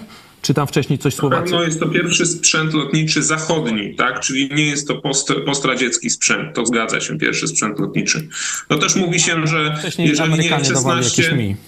Jest, jest, są też takie komentarze, że jeżeli nie F-16, załóżmy dla Ukrainy, no to być może e, Gripeny szwedzkie, bo przecież Szwecja wchodzi do NATO i ma dużo, dużo tego sprzętu i może, e, może dostaną Ukraińcy niedługo, nie- niedługo Gripeny. Generalnie samoloty nowe, znaczy tej, no, zachodnie samoloty e, czwartej generacji, czy to będą Gripeny, czy Eurofightery, czy F-16, dużo by dały Ukrainie, ponieważ te samoloty e, czy myśliwce przechwytujące i tak dalej, one się też dobrze nadają do przechwytywania i niszczenia właśnie tych rakiet mane- manewrujących, prawda? Czyli to też byłby element ochrony przeciwko, przeciwko tym atakom rakietowym e, kacapskim, jeżeli by mieli nowoczesne myśliwce. No ja osobiście myślę, że te rakiety w końcu im się skończą, bo no zobaczcie, no był taki tydzień, że wystrzeliwali tych rakiet 100, ostatnio było 65, no kiedyś te zapasy się skończą. Były takie szacunki, zresztą prowadzone przez stronę ukraińską, że tam już mają zużyte dosyć dużo, po kilkadziesiąt, po 60, zależy od, od rodzaju. Jakąś tam, przecież też muszą sobie liczbę tych rakiet zostawić e, w takiej no, ostatniej rezerwie strategicznej. Myślę, że Putin nie, no nie wystrzela się do ostatniej rakiety, prawda? Znaczy, prawdopodobnie on dostaje już uzupełnienia irańskie, to już wiemy na Z Korei pewno. podobno też. Korea Północna. I Ja jestem też głęboko przekonany, że w tajemnicy chińscy komuniści już wcześniej albo obecnie przez Koreę Północną na przykład dozbrajają Putina. Stąd w to wyczerpanie rakiet Putina to ja bym tak bardzo nie wierzył. Nie? Na razie raz w tygodniu, bo tak mniej Ale- więcej oni mówią, nie? że raz w tygodniu jest taki nalot właśnie w okolicach 100 czy tych 80 powiedzmy, tak jak powiedziałeś, rakiet na całe terytorium Może zauważcie, że lecą tylko ruskie rakiety. Nie było przypadku, żeby leciała rakieta chińska, czy koreańska, czy irańska jeszcze do tej pory. E, No bo przecież też szczątki tych rakiet, które są zestrzeliwane, no to pozwalają zidentyfikować, jaka jest to rakieta. Chyba, że, chyba, że załóżmy Chiny, bądź Korea, bądź Iran, bądź inne kraje za- zaprzyjaźnione, powiedzmy, że te trzy wystarczą, no, zwracają Rosji rakiety, które wcześniej od nich kupiły, bo też może być taka sytuacja, tak? Dokładnie tak. Mogą przezbrajać Chińczycy swoją armię na bardziej już nowoczesne swojej produkcji rakiety, a ten ruski sprzęt, który wcześniej masowo kupowali, mogą teraz potajemnie e, Rosji oddawać, znaczy sprzedawać, no bo już oni tam Pewnie nie tak jest oddają. właśnie. E, Stąd y, myślę, że te zapasy Putin może mieć jeszcze dużo, dużo większe niż wcześniej tu strona zachodnia szacowała. Michale, możemy przejść... Natomiast e, mogę jeszcze Proszę, proszę, tak, oczywiście. Bo ja uważam, że no Putin y, nie osiągnie swojego celu tymi atakami rakietowymi, bo co on uzyskuje? Uzyskuje to, że na kilka dni jest, naj, najgorzej na kilka dni jest wyłączany prąd i światło, prawda? Czyli uzyskuje e, jakiś taki krótkochwilowy efekt. Oni liczą, że Ukraińców zmuszą do, do podejścia do, do, do, do tego, żeby usiedli przy stole negocjacji. Tego nie osiągną, bo Ukraińcy absolutnie tego nie chcą. No, jeżeli teraz by się zdecydował na jakiekolwiek negocjacje, to by praktycznie można być od razu stracił władzę, ponieważ 90 parę procent ukraińskiego społeczeństwa e, po każdym tym kolejnym nalocie jest jeszcze bardziej e, w, e, wiecie, na, roz, na ruskich e, wkurzona e, i jeszcze bardziej ich, można powiedzieć, nienawidzi i jeszcze bardziej jest zdeterminowana, żeby przetrwać, nawet jeżeli nie będą mieli, e, wiecie, światła, wody, prądu, oni mówią, my tę zimę przetrwamy. Będzie nam ciężko, będzie tak jak, nie wiem, nasi dziadowie mieli w latach 30. czy 40., ale my to przetrwamy, ale nie siądziemy do stołu negocjacji. Także Putin tego nie uzyska. Tego nie uzyska. Natomiast, e, no, można powiedzieć, no tak, traci kolejne zasoby, bo przecież taki każdy atak to jest praktycznie kilkaset milionów do miliarda dolarów poświęcony. E, To też nie jest państwo, które ma furę pieniędzy w takim sensie, że no, ni- nigdy im się te pieniądze nie skończą. E, I zresztą borykają się z wielkimi problemami. Jakieś dane gospodarcze, które spływają z Rosji, bo to też jest ciekawa rzecz, pokazują, że ta gospodarka może się naprawdę no, w następnym roku załamać. Tak? Tam może być kolaps taki wewnętrzny, bo, bo w tym momencie już, e, już im brakuje pieniędzy na, na opłacenie żołdu, żołnierzy, na zapłacenie e, tych odszkodowań, e, czyli kupowanie tych symbolicznych ład dla, dla tych, którzy, którzy giną. No a też e, przecież nie mają lepszej jakości na froncie, jeśli chodzi o piechotę, tak? jeśli chodzi o wojska lądowe. Tutaj Ukraińcy myślę, że, że w końcu będzie taki moment, że ruszy kolejna ofensywa. I to może być całkiem niedługo, tak? Może to być niedługo ofensywa na przykład na froncie zaporowskim, tam w kierunku Bierdiańska i to będzie dla ruskich kolejna porażka strategiczna. I Tak, co im tej- dadzą te ataki rakietowe? No nic im nie dadzą, można powiedzieć, strategicznie, e, mm, jeśli chodzi o wynik wojny. No liczą być może, że znowu kolejne kilka milionów Ukraińców wyjedzie, prawda? No, że znowu będzie kryzys e, tutaj imigrantów, bo już nawet e, czytałem, że mer Kijowa, Witalij Kliczko chyba już nawet zachęcał do wyjazdu ze stolicy, bo tam po ostatnim ataku chyba 30 godzin nie było, e, nie było prądu, także no na pewno będzie ciężko, no ale ta zima wiecznie trwać nie będzie kilka miesięcy. No trzeba i, wiedzieć, i się to że skończy. nie chodzi o to, że tam nie będzie światła, a tam ktoś nie posłucha muzyki czy telewizji, sobie nie obejrzy, czy nie ugotuje obiadu. E, To są dużo e, cięższe problemy. A szpitale nie mogą Właśnie pracować. o tym nie? mówię, że na przykład operacje, no owszem, są agregaty, są jakieś y, tam zdjęcia, widziałem przecież na Twitterze, pokazywane są jak tam przy zapasowym oświetleniu ciężkie zabiegi chirurgiczne są w szpitalach Ukrainy e, robione, ale to jest cała ta sprawa respiratorów, to przecież... No to jest też kwestia bardzo- wody w wielkich miastach przecież, Dalej, no bo tam światło światłem, dalej ale... pojawi się problem będzie- bezpieczeństwa biologicznego, Tak, czy no jakieś dezynterie różne, zakażenia biologiczne przy braku bieżącej wody odpowiedniej czystości, y, czy się nie y, pojawią. Także y, rzeczywiście sprawa jest trochę bardziej problematyczna niż tylko tam, że posiedzą przy świeczkach ileś godzin, ale nie o Ukraińców tu chodzi. Rosja nie chce złamać Ukraińców, bo wie, że tego nie zrobi. Tu Michał słusznie powiedział, znając determinację naszych braci Ukraińców, no to oni się nie dadzą takimi sztuczkami złamać. E, Te ataki są, żeby złamać Zachód, żeby złamać nas, żeby już się zmęczyć tą wojną i powiedzieć, a już niech będzie pokój, jedziemy na wczasy, czy na mundial, czy, czy gdziekolwiek. No ale raczej Bawmy- wydaje się, że takie ataki ten Zachód konsolidują, bo teraz nawet Parlament Europejski uznał Rosję za, Bóg, za kraj Bóg, o sponsorujący O terroryzm. to się modlimy, no ale jak pytacie, po co te ataki, no to ja odpowiadam, nie żeby złamać Ukraińców, bo to myślę, że się nie uda.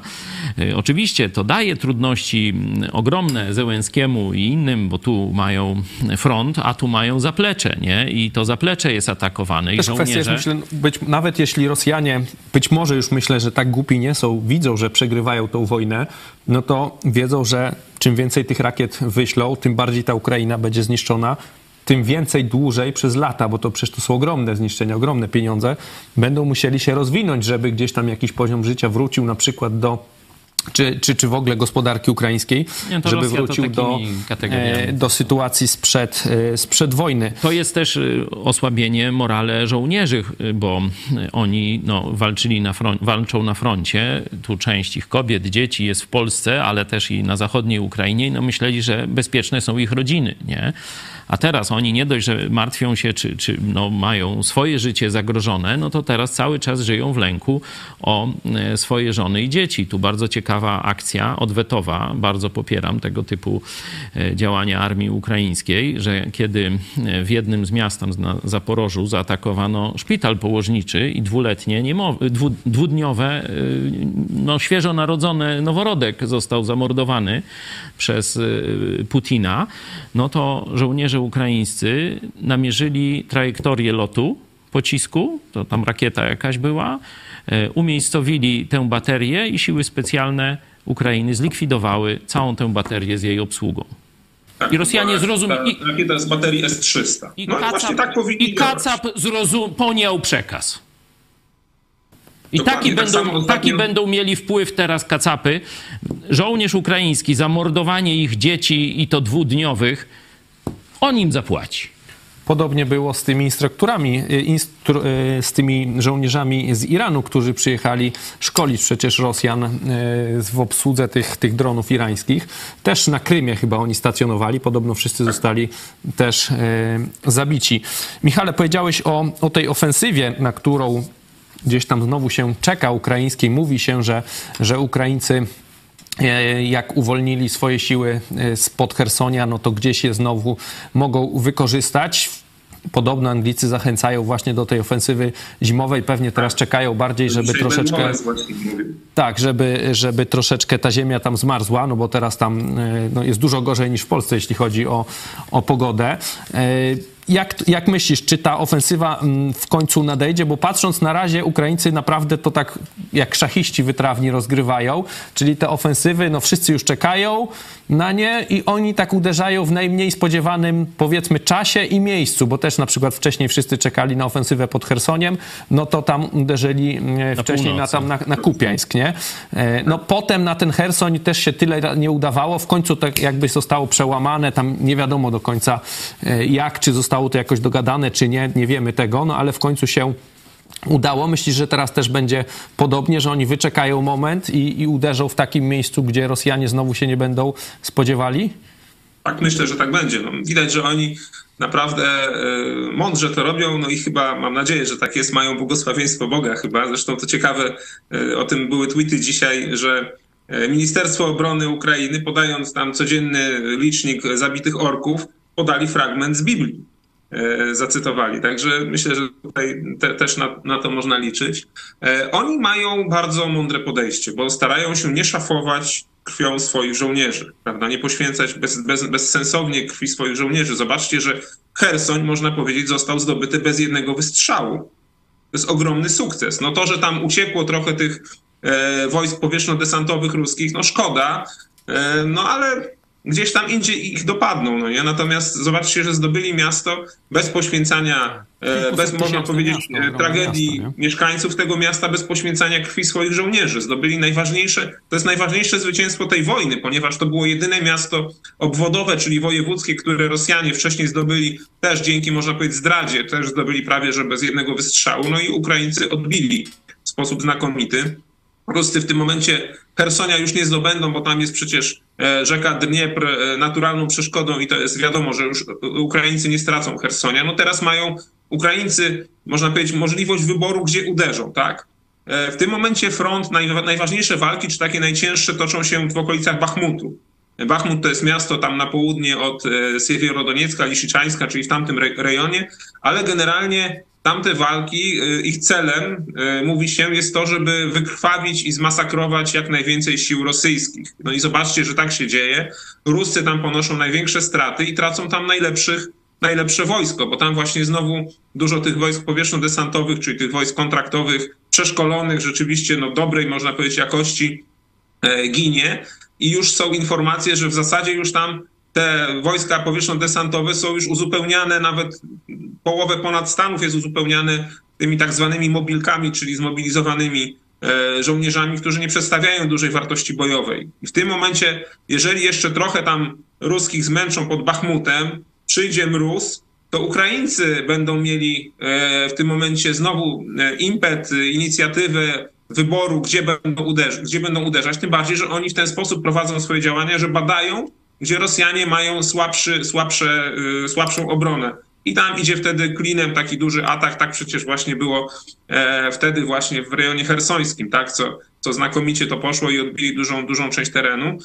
Trzeba też powiedzieć, że ruskim nie będzie sprzyjać zima, ponieważ oni są niewyposażeni, nie mają mundurów zimowych, nie mają, e, wiecie, no nie mają sprzętu, mają, nie mają tam noktowizorów, termowizji, termowizji, to już o tym było wcześniej mówione, a Ukraińcy mają znakomite, jeśli tutaj chodzi o to, o wyposażenie, no to mają wyposażenie zachodnie, wyposażenie natowskie, także tutaj też mają przewagę. Tylko kwestia poczekania, aż mróz skuje e, ziemię i wtedy można jechać, nie? I można, można tych orków dalej pędzić z ukraińskiej ziemi na to czekam i tego się spodziewam. Miejmy nadzieję, że tak będzie. To o ten tweet, który e, wspomniałeś, Ministerstwa Obrony Ukrainy, oni podając straty, e, zacytowali fragment z piątej księgi Mojżeszowej. Niech serce wam nie drży, nie bójcie się, nie lękajcie się, gdyż Bóg, e, gdyż Bóg z wami, gdyż z wami wyrusza Pan, przepraszam, Bóg wasz, by walczyć przeciw wrogom waszym i dać wam zwycięstwo. To już któryś raz jest, gdy Ukraińcy odwołuje się do Boga. Pamiętam dowódca wojsk ukraińskich, też kilka razy prosił o modlitwę, nawet Polaków prosił o modlitwę e, za Ukrainę. Jak ty odbierasz te częste odwoływania się do Boga przez Ukraińców? No, mówiliśmy to już jeszcze nawet przed wojną. E, w styczniu tu gościliśmy pastora ukraińskiego, wcześniej w, w tym roku poprzedzającym wojnę, pod koniec spotkanie z Joe Osiakiem, kiedy on nam właśnie opowiedział, jak no, wielkie rzeczy dzieją się u naszych braci za wschodnią granicą właśnie w Ukrainie, że tam no, masowy zwrot w kierunku ewangelicznego chrześcijaństwa, że ludzie masowo sięgają po Biblię, że masowo przecież wychowani w ateizmie, w jakichś takich tylko może zewnętrznej religii, e, zaczynają odkrywać żywą wiarę, że chrześcijaństwo to jest coś działającego tu i teraz, że to nie jest tylko religia, jakieś przykazania, jakieś regułki, tylko to jest żywy Bóg, Jezus Chrystus, który chce z tobą mieć osobistą relację. Nie? Taką, taki przekaz miliony Ukraińców usłyszało. Miliony Ukraińców usłyszało i wielu z nich zaczęło, że tak powiem, czytać Biblię, gromadzić się w kościoły protestanckie. Tam wiele szkół biblijnych powstało. Wiecie, w Polsce śpimy, jeśli chodzi o ewangeliczne chrześcijaństwo. Tam jest ogromne, ogromne zainteresowanie. To zresztą widać było na polskich ulicach, nie? kiedy w, już po 24 lutego, nie? kiedy tu jeszcze bardziej zaroiło się od um, ludzi poszkodowanych przez Rosjan, przez Putina, głównie kobiet i dzieci, ale kiedy na polskiej ulicy podchodzisz do Polaków i chcesz rozmawiać o Bogu, czy, czy o jakichś duchowych tematach, no to tam jeden na dziesięciu coś sensownego ma do powiedzenia, jakieś swoje przemyślenia. Kiedy z kolei podchodzisz do Ukraińców, to na dziesięciu może być tak, że wszyscy będą mieć te przemyślenia, może jeden co najwyżej tam jakoś machnie ręką, czy zlekceważy, czy coś takiego. Także widać, że ten naród już od lat, tu pastor Jaremczuk też mówił, że to się dzieje już naprawdę nie, nie od wczoraj, tylko 20-30 lat jest takiej no, solidnej pracy protestantów na Ukrainie, e, którzy zbudowali solidne podstawy do takiego, do siły moralnej i duchowej narodu. I dlatego ten naród tak sobie e, no, dzielnie e, daje radę, ma Boże błogosławieństwo, dlatego naczelne dowództwo może cytować Biblię. No, widać, że tu chyba troszeczkę słabą robotę jeszcze e, zrobili. Tu kaznodzieja baptystyczny jest zaangażowany, był prezydentem przez prawie rok czasu, teraz w obronę e, terytorialną Ukrainy. Także no, jest tam sporo pastorów czy, czy kaznodziejów, tak jak pan Turczynów kazał się tytułować, że już nie jest pastorem, tylko bardziej kaznodzieją, bo już tylko kazania mówi e, w kościele baptystycznym e, w Kijowie, że no, tu nastąpiło pewien zgrzyt interpretacyjny, bo ten fragment nie jest do Polaków, nie jest do Ukraińców, to jest fragment do Żydów czasów Starego Testamentu, nie? Dlatego ja tak się strasznie nie cieszę, znaczy cieszę się z odwołania do Boga, ale no, smucę się ze słabej, e, że tak powiem, no, szkoły interpretacyjnej. Ale to w Stanach też się bardzo Ale to się w Stanach tak. też zdarza, także wiecie, to, to już też takie, w kółko Stary Testament moje wydziwianie, bo w naszym kościele staramy się bardzo precyzyjnie uczyć y, poprawnych zasad interpretacji Biblii, żeby to, co nie do nas, nie przypisywać do nas, nie? E, także y, to, jest, to są ważne zasady. No u nas w kościele też Michał tym się zajmuje, także pewnie też Michale, no widzisz y, ten problem, nie? Ale, ale no wiecie, to jest takie troszeczkę, można powiedzieć, narzekanie nad czymś, co ogólnie jest dobre, nie? Czas na, na wasze e, głosy. Grzegorz Dolecki. Mieszkańcy ukraińskich miast na potęgę wyjeżdżają na wieś i do miały, małych miasteczek. Determinacja Ukraińców jest ogromna. Nikt nawet nie myśli o jakiejkolwiek e, rozmowach z Moskalami. Tak, to prawda, tak mówię. To jest bardziej przemęczenie Zachodu, zmęczenie, gra na zmęczenie Zachodu, żeby przestał Ukrainie pomagać, bo bez pomocy zachodniej, bez pomocy polskiej, a to Ukraińcy mieliby ciężko z kacapami. No, pewnie przegrali, zresztą sami tak mówią, że nie mieliby, gdyby nie Polska, to by dawno już przegrali. Wiktor i Magda, na terenie Warszawy coraz częściej działają ukraińskie zespoły ewangelizacyjne. Ostatnio widziałem ich pod kolumną Zygmunta. No tak, no tak, dlatego mówiliśmy, że to, co zrobił Putin, oczywiście e, no, zbrodnia, wojna i tak dalej, patrzymy w kategoriach ekonomicznych, militarnych, ludnościowych i tak dalej, ale trzeba też spojrzeć na to, co się dzieje w kategoriach duchowych. I tu pojednanie polsko-ukraińskie i zasilenie Polski ogromną ilością chrześcijan ewangelicznych, którzy wskazują na Biblię, wskazują osobiście na Jezusa Chrystusa. Już nie jesteśmy w takim osamotnieniu, jak byliśmy przez ostatnie lata. Kolejny głos i znowu mamy rozbieżność między Dudą a Kaczyńskim, tym razem w kwestii rozmieszczenia patriotów. No właśnie, bo troszeczkę mało o tym porozmawialiśmy. E, wątek prezydenta Dudy, on był taki dosyć wiodącą osobą. No myślę, on i premier Morawiecki, jeśli chodzi o, o te działania Polski. E, Kaczyńskiego tam nie było. Kaczyńskiego nie było w Morawie, tej Tak, na początku w ogóle zgrywce, śmialiśmy się, że przecież jak wybuchła wojna, Kaczyński się schował. z Ziobrą gdzieś tam się schowali, nie ta, było ich. Ta. Był właśnie Morawiecki Podobnie było w czasie ataku tu w Przewodowie. Też Kaczyński się schował. Morawiecki... Tak to chodził, opowiadał o dawaniu w szyję, a tu cisza, chrza. Może był na Nawet się spóźnił, spóźnił się jeszcze na tę Radę tam Bezpieczeństwa, nie wiadomo jakiego, nie? Ciekawe w ogóle, dlaczego on tam jest. No, ale y, możemy... Y, Morawiecki pochwalił tą... Wydaje rozkazy, tą, jak widać. Morawiecki powiedział, że... No teraz nie wiem, czy wiesz, Soboń y, wczoraj chyba powiedział, że Kaczyński się najlepiej zna na ekonomii, lepiej niż minister finansów, bo nie on jest no. naszym liderem. No, może to i prawda, że on się lepiej zna, ale to niedobrze świadczy o tym ministrze finansów chyba. W każdym razie przejdźmy do tej rozbieżności Duda-Kaczyński. Powiem bo... tylko tyle. Poznałem osobiście pana Sobonia. Obiecał ci coś? No to, to tam już mniejsze z tym. Spodziewałem się więcej. Spodziewałem się więcej i niech tak to już zostanie. Tak, to jest poseł chyba ze Świdnika, nie? Tutaj no dokładnie, no tu z, z Lublina, z Lubelszczyzny. E, skąd ta rozbieżność między Dudą e, a, e, a Kaczyńskim? Morawiecki stanął po stronie Błaszczaka Kaczyńskiego, bo też chwalił tą pro, propozycję przekazania na Ukrainę. Duda jakoś został pominięty. Jak, jak to odbieracie, Michale?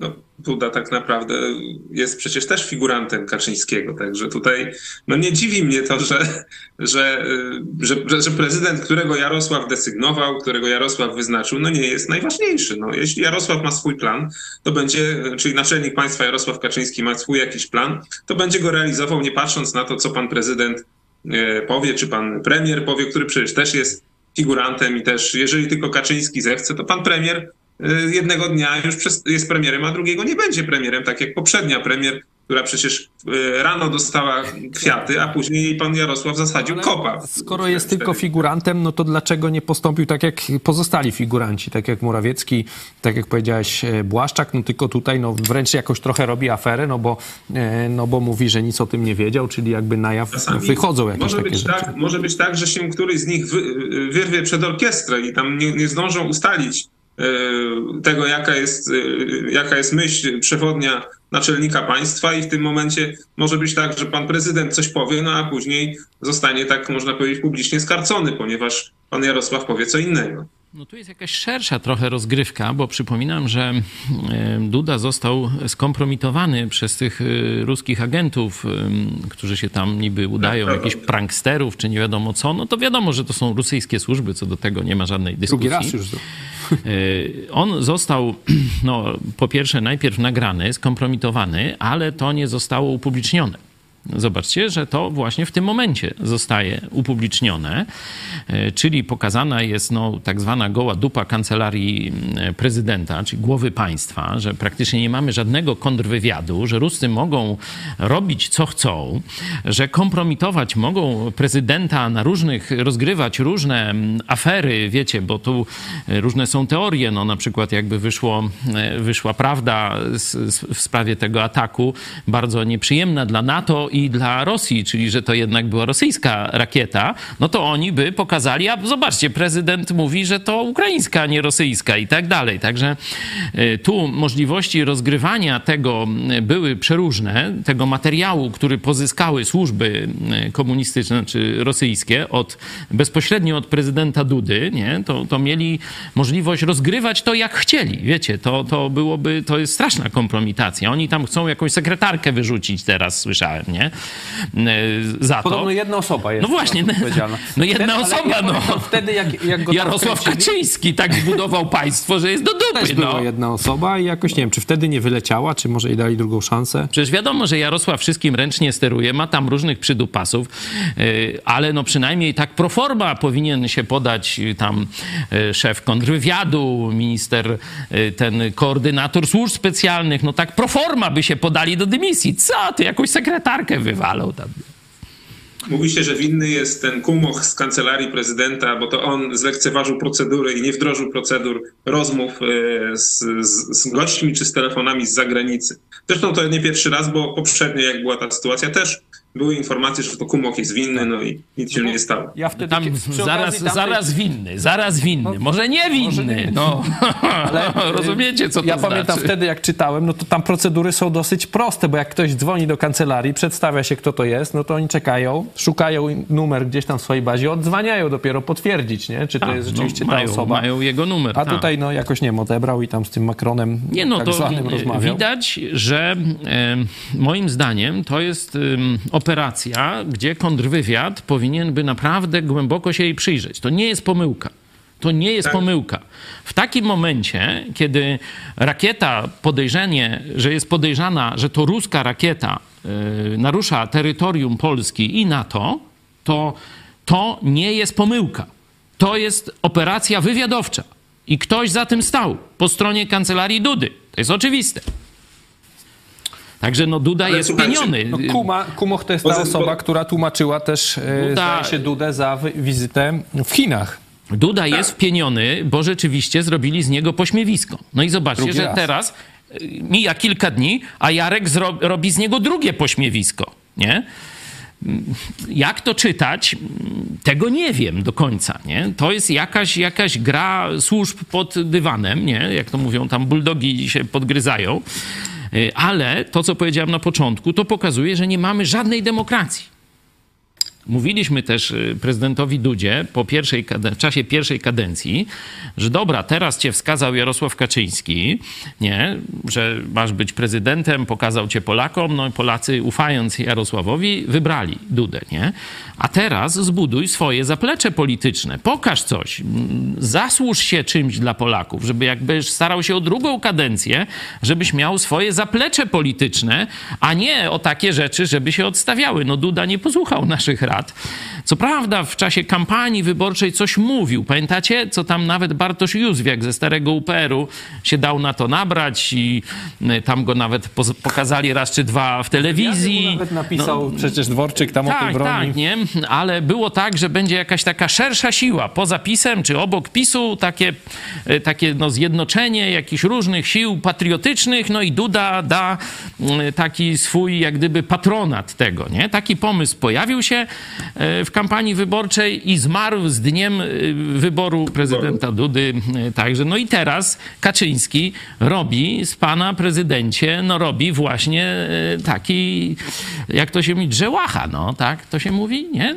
Sobie na, na bezczela pana ośmiesza. Ale to jest pana wina, że nie zbudował pan swojego zaplecza politycznego, no.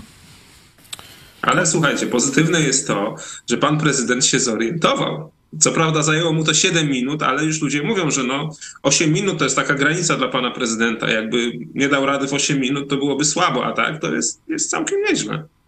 Nie no. no. no. Jednak jest profesor. E, jest twardy, Przechodzimy no. powoli do końca dzisiejszego e, programu. Coś chcecie na koniec dodać? E, jak, jak Michale, na koniec chciałbyś powiedzieć, jak dalej ta wojna, myślisz, będzie przebiegała? Powiedziałeś o tych, o tych sankcjach, yy, które będą wchodzić w życie, no ale one już tak te sankcje są tak ogłaszane, no jakoś, jakiś tam to e, tak, wpływ na Rosję ma, ale na razie sankcje dla ruskich, bo wiecie, no, cała ruska gospodarka, praktycznie 40% przychodu budżetu federalnego to jest przychód ze sprzedaży ropy naftowej, nawet nie gazu, nie? bo gaz to są, to jest jakieś 20% tych węglowodorów, a cała większość to jest ropa naftowa. No i te sankcje, które zostały uchwalone jakieś tam ładne kilka miesięcy temu, nie wiem, to był czwarty czy piąty pakiet sankcji. One stanowiły, że bodajże od 5 czy od 6 grudnia e, jest embargo na e, zakup ropy e, no poza rurociągami, prawda? Ale tutaj rurociąg przechodzi przez Ukrainę. Natomiast jest, jest embargo wprowadzone na zakup ropy ruskiej i co ważne, jest embargo na, na możliwość ubezpieczania frachtu morskiego, czyli wiecie, no też tak jakby transportu morskiego, bo w tym momencie Ruscy e, panicznie, wiecie, próbują stworzyć własną flotę tankowców, żeby mieć swoje tankowce, żeby gdzieś tam tę ropę, kto jeszcze chce od nich kupić, to wozić, ale no wiecie, jest tak, że na przykład Turcja powiedziała, że nieubezpieczone e, transporty mm, ropy nie będą przepuszczane przez cieśninę Bosfor. No i teraz E, tak się składa, że 95% rynku ubezpieczeń to są firmy brytyjskie, które również w tym momencie wejdą w te sankcje. Czyli na przykład Ruscy będą chcieli wywieźć ropę tam z morza, e, przez Azowskiego, czyli tam z tamtej części, powiedzmy, bo tam też dochodzą rurociągi, no i nikt nie będzie chciał im ubezpieczyć ich własnego transportu. I na przykład Turcy nie przepuszczą tego transportu. Także należy się spodziewać, że dopiero teraz w grudniu E, te sankcje będą najcięższe dla ruskich. Dlatego oni tak panicznie starali się, dlatego mm, jest to nasilenie też ataków być może, no bo chcieli w jakiś sposób skłonić Zachód, żeby jednak zluzować te sankcje, te, które teraz wejdą naj, naj, najcięższe dla nich. Moim zdaniem po prostu trzeba wytrzymać tę zimę. Trzeba wytrzymać tę zimę, liczyć na to, że Ukraińcy e, też osiągną jakieś sukcesy na polu bitwy, a ruska gospodarka tej zimy nie przetrwa. Na to no, trzeba liczyć. No widać, że coś się dzieje też w ramach tych Sowietów, no bo tam jest taki jakiś łobuz, łobu, obołuz, coś tam, taki tam układ bezpieczeństwa, nie wiadomo czego. OKD. Menią, tak? E, tak. E, widać, że no już było wszystko niby dograne, już kamery, już flesze błyskają, już wszyscy mają, Putin już trzyma ten swój pensyl w, w ręku, nie? Już ma podpisywać, a prezydent, premier Armenii mówi, że, że on jednak nie podpisze tego, nie? I tam y, Łukaszenka, jak to? Nie?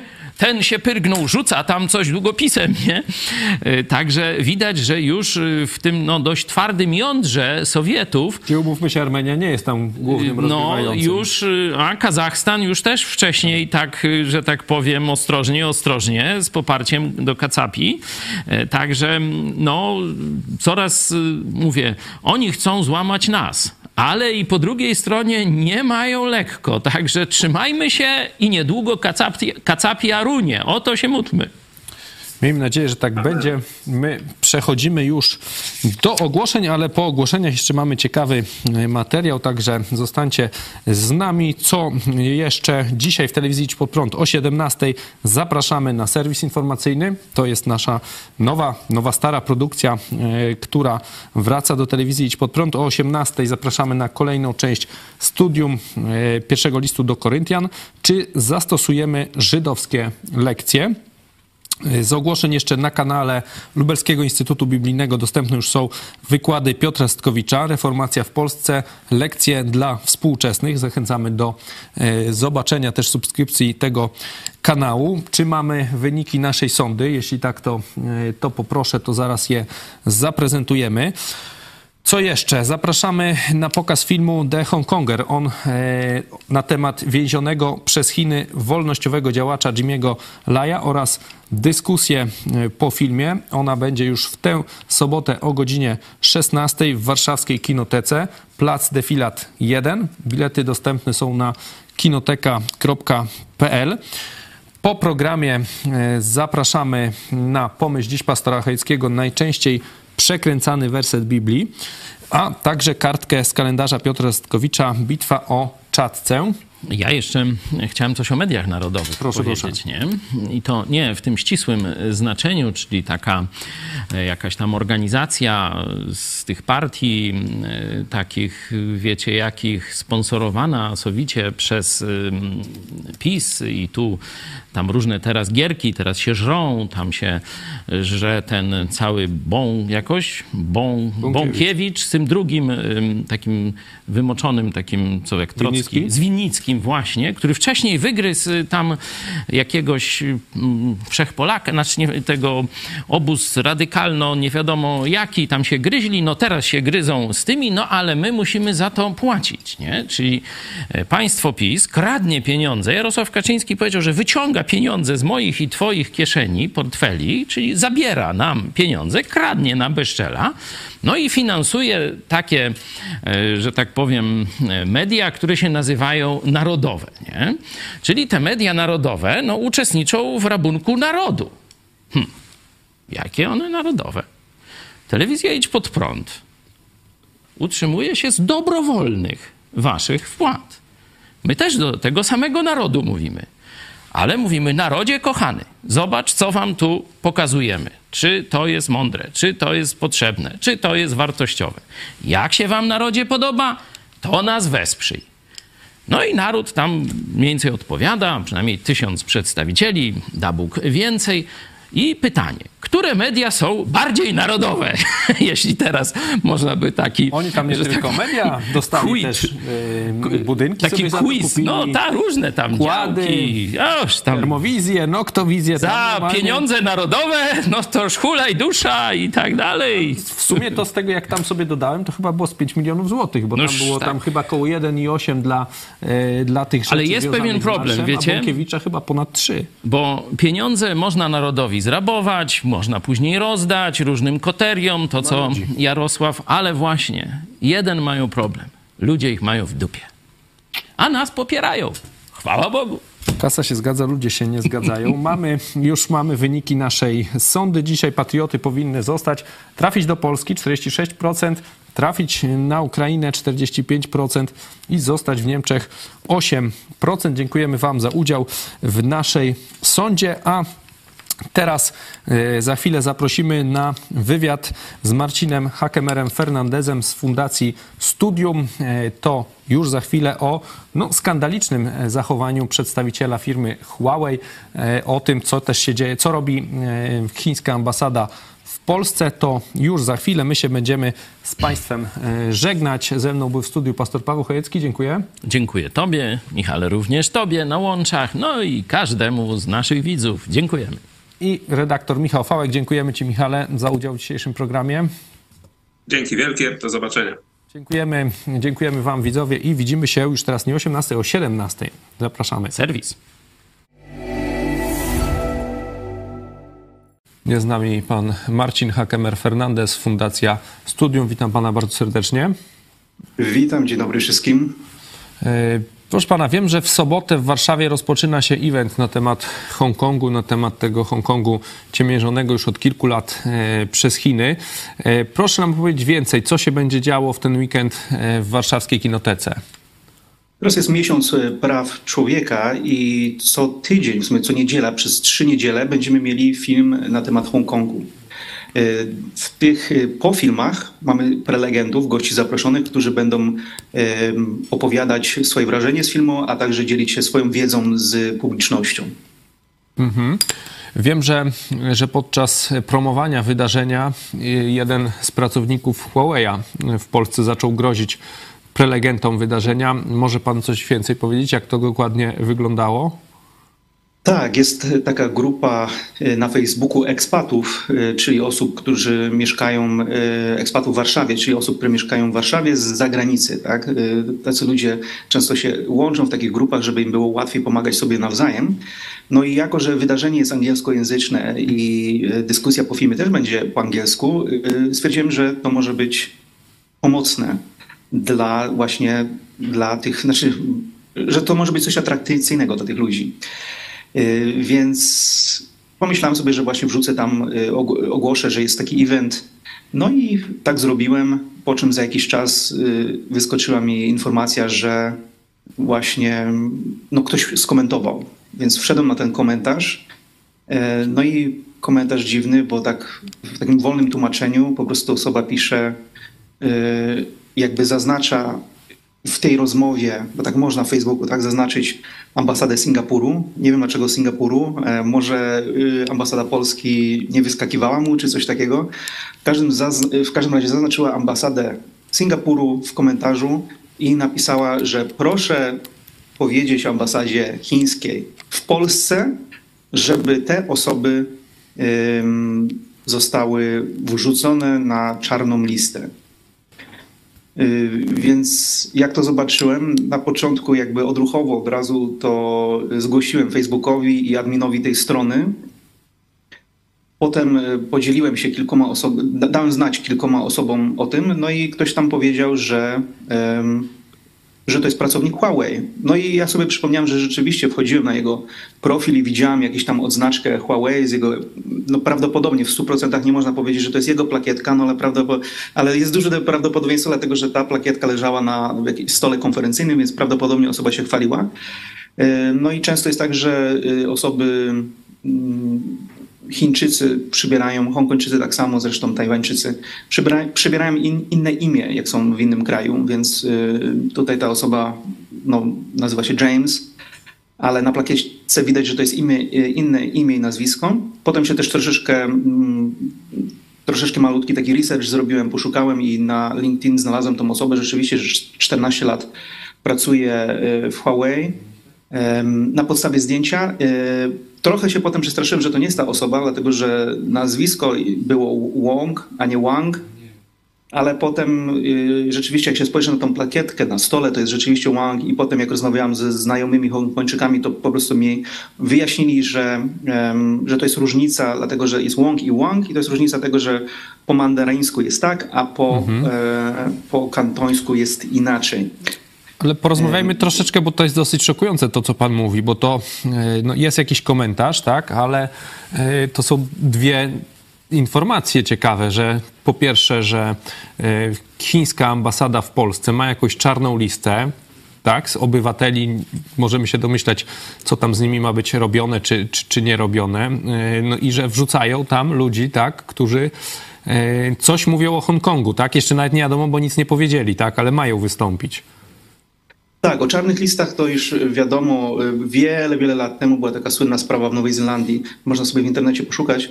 E, w Polsce y, oczywiście to nie są oficjalne y, jakieś listy, chociaż tutaj ten pracownik no, wydaje, jakby, się, jakby to było coś jak najbardziej normalnego, że jest taka istnieje czarna lista. Kilka lat temu moi znajomi, jak byli w Chinach, no to rzeczywiście zostali wrzuceni do jakiegoś nie wiem czy to było więzienie akurat, ale w każdym razie służby ich przechwycili. Byli nawet poturbowani, więc no, dla mnie to jest oczywiste, że taka lista istnieje. Nie tak dawno temu, bo, bo kilka lat, dwa, trzy lata temu, znajomy wyjechał też do Chin, który udziela się tutaj w Polsce, no i też na lotnisko go cofnęli, po prostu nawet go nie wpuścili. A nic tam nie chciał zrobić, tam chciał chyba chińskiego się uczyć, czy coś takiego, więc no dla mnie jest oczywistością, że jest taka lista i najpierw na to spojrzałem jako jakiś tam po prostu komentarz, ale potem jak przemyślałem to, no to rzeczywiście no po prostu człowiek y, z Chin, który pracuje dla Huawei, mieszkający w Polsce, no zastrasza, y, zastrasza prelegentów. Z tego co wiemy, no, to się dzieje. Takie rzeczy się od, od dawna wiem, że takie rzeczy się dzieją, no ale tutaj mamy tego przykład, jak to publicznie ktoś y, robi. No i rzeczywiście potem efekty są takie, że jeżeli się robi takie wydarzenia w przyszłości, no to prelegenci mogą nie chcieć przychodzić na takie, na takie wydarzenie, dlatego że nie będą mogli, jeżeli są to na przykład sinolodzy, potem wyjechać do Chin i, i no, całe życie uczą się o Chinach, tak? uczą się języka chińskiego, a potem nie mogą wyjechać do Chin. Mhm. A czy coś, e, coś w Polsce im grozi? Jak, e, bo powiedział pan, że to jest dosyć częsta praktyka chińskich ambasad w innych krajach, ta czarna lista. Czy, czy w tych krajach, no bo gdy ktoś jedzie do Chin, no to, to to jest e, w miarę jasne, że tam może się coś złego przytrafić, ale czy ambasada chińska czasem posuwa się do, do jakiegoś, jakiejś agresji tutaj w Europie? Znaczy na chińskich obywatelach y, na pewno. Y, teraz w głowie nie mogę sobie znaleźć takiego przypadku, y, jeżeli chodzi o... Znaczy no, chińskich. Oni uważają, że jeżeli jesteś Tajwańczykiem, Hongkończykiem, to jesteś Chińczykiem, tak? Nawet tak jeżeli się w Ameryce tak. urodziłeś, to jesteś Chińczykiem. Więc na, na Azjatach czy osoby, które oni uważają za Chińczyków, no to sobie pozwalają na takie rzeczy. I jak mieliśmy wydarzenia nawet y, pod ambasadą, y, pomagałem Hongkończykom, to też dużo osób nie chciało przyjść. Hongkończycy nie chcieli przychodzić, bo się po prostu bali. Mhm. Tajwańczycy nawet się, poznałem taką dziewczynę, z nią rozmawiałam i ona się bała nawet, że będzie wracała do domu i gdzieś tam ktoś wyskoczy i jej coś zrobi, tak? Więc y, mi się nie zdarzyło, nie, nie, słyszałem o takiej sytuacji, gdzie fizycznie y, kogoś w Polsce przynajmniej starali się no, komuś coś zrobić. No, oprócz oczywiście, jak są jakieś tam protesty, to, to wyrywanie banerów z rąk czy takie rzeczy. Byłem świadkiem takiej, świadkiem takiej sytuacji, gdzie przyjeżdżał urzędnik z Chin, no i jakiś gościu, y, jakiś Chińczyk w garniturze podbiegał, brał baner, wyrywał osobom, y, a na banerze no tam mówił na, na przykład tekst jakiś tam przestańcie prześladować y, Falun Gong, tak, czy przestańcie, czy, czy bądźcie za prawami człowieka i tak dalej, więc takie banery zostały wyrywane, i gościu wybiegał, nie? Mhm. No to jest często tak, że jeżeli... Coś jeżeli podobnego tak- zdarzyło się w Warszawie też podczas e, protestu klubu Idź Pod Prąd Warszawa, też e, właśnie podczas święto, e, gdy, gdy Chińczycy świętowali to swoje komunistyczne święto pod ambasadą chińską, też właśnie zostali nasi ludzie z Idź Pod Prąd zaatakowani wtedy przez prawdopodobnie przedstawicieli chińskiej ambasady. Mm, zapytam jeszcze pana na koniec może tego wątku, jakby pan e, zachęcił Polaków czy mieszkańców Warszawy do, do uczestnictwa e, w, ty, w tych obchodach e, w, w, tego miesiąca, powiedział pan całego, tak? Tak, tak, tak. No ja, ja serdecznie polecam, żeby śledzić stronę PL for Hong Kong. PL4HK, tak, to jest na, na, mhm. Facebooku i tam są te wydarzenia pokazywane. A te, to wydarzenie, które ma być jutro, w sobotę, to y, naprawdę gorąco y, polecam. Y, ci prelegenci są naprawdę wspaniali. Właśnie skończyłem książkę jednego z, jednej z prelegentek Chiny trzymają nas mocno. Jest po prostu niesamowita książka. Jestem pod wielkim wrażeniem, że w Polsce coś takiego jest wydawane w ogóle i pisane, no bo to ta książka jest niesamowita. Alicja Bachulska to jest no, super specjalistka od Chin, moja ulubiona, szczerze. E, I, i, i Łukasz Zamęcki, który który zajmuje, który też wydał dwie książki na temat Hongkongu i no też można by opowiadać i opowiadać o tych prelegentach, ale naprawdę to jest wyjątkowe wydarzenie. I zapraszam. Mhm. Na koniec zapytam pana o, o Polskę tutaj, bo We wtorek odbyła się rozprawa e, apelacyjna w procesie pastora Pawła Chojeckiego, redaktora naczelnego naszej telewizji. Jest sądzony za słowa, za, e, za krytykowanie dogmatów katolickich prezydenta Dudy. No, tego typu różne są tam dosyć kuriozalne, często zarzut na przykład wywołanie, nawoływanie do wojny z Koreą Północną, no, ale tak czy siak jest to proces za słowa, proces religijny. Dzieje się to w Polsce, a nie w Chinach. Jak we wtorek rozprawa została, bo to jest sąd już apelacyjny, sąd pierwszej instancji skazał y, pastora, teraz y, rozprawa została odroczona. Jakie jest Pana zdanie na temat tego procesu tutaj w Polsce? Y, nie zdążyłem jeszcze, chciałbym więcej poczytać na ten temat, y, bo widziałem, y, zacząłem czytać, ale niestety musiałem się mocniej tym wydarzeniu, na tym wydarzeniu skupić, ale widziałem właśnie, że są wątki chińskie i to dość poważne z tego czytałem, z tego co czytałem. I no i chciałem, chciałem w sumie się też dowiedzieć więcej na ten temat, o co chodzi z tymi Chinami i jak to jest wszystko połączone.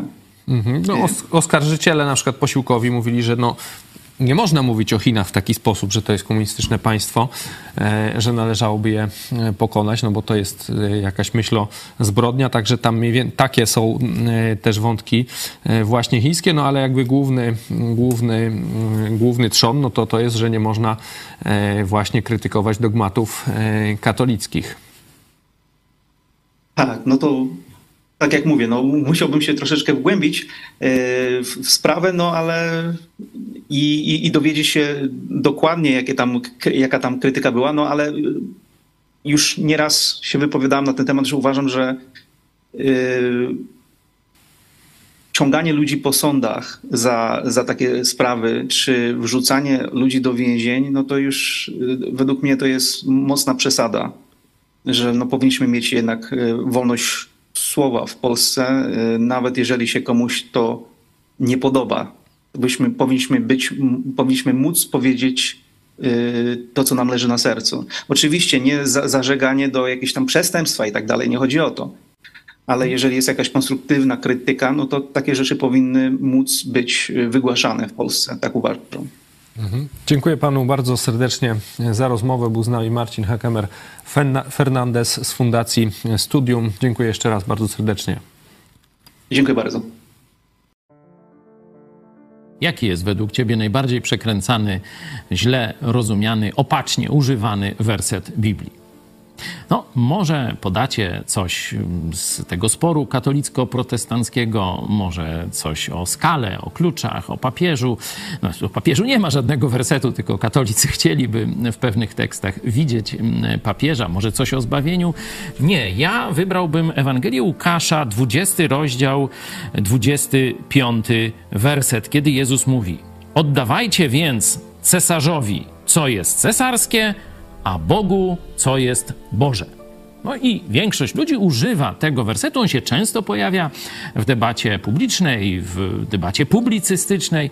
E, I interpretacja tu taka, że tak powiem, ludowa, popularna, to jest, że jest królestwo Cezara, nie? czy tam władzy państwowej, i tam sobie władza państwowa, władza cesarska orze jak może, robi co chce. No i jest to królestwo Boże, królestwo, gdzie tam powiedzmy Jezus rządzi i ono jest odrębnym światem. Że te dwa światy, świat cesarza, świat Boga, to są odrębne światy.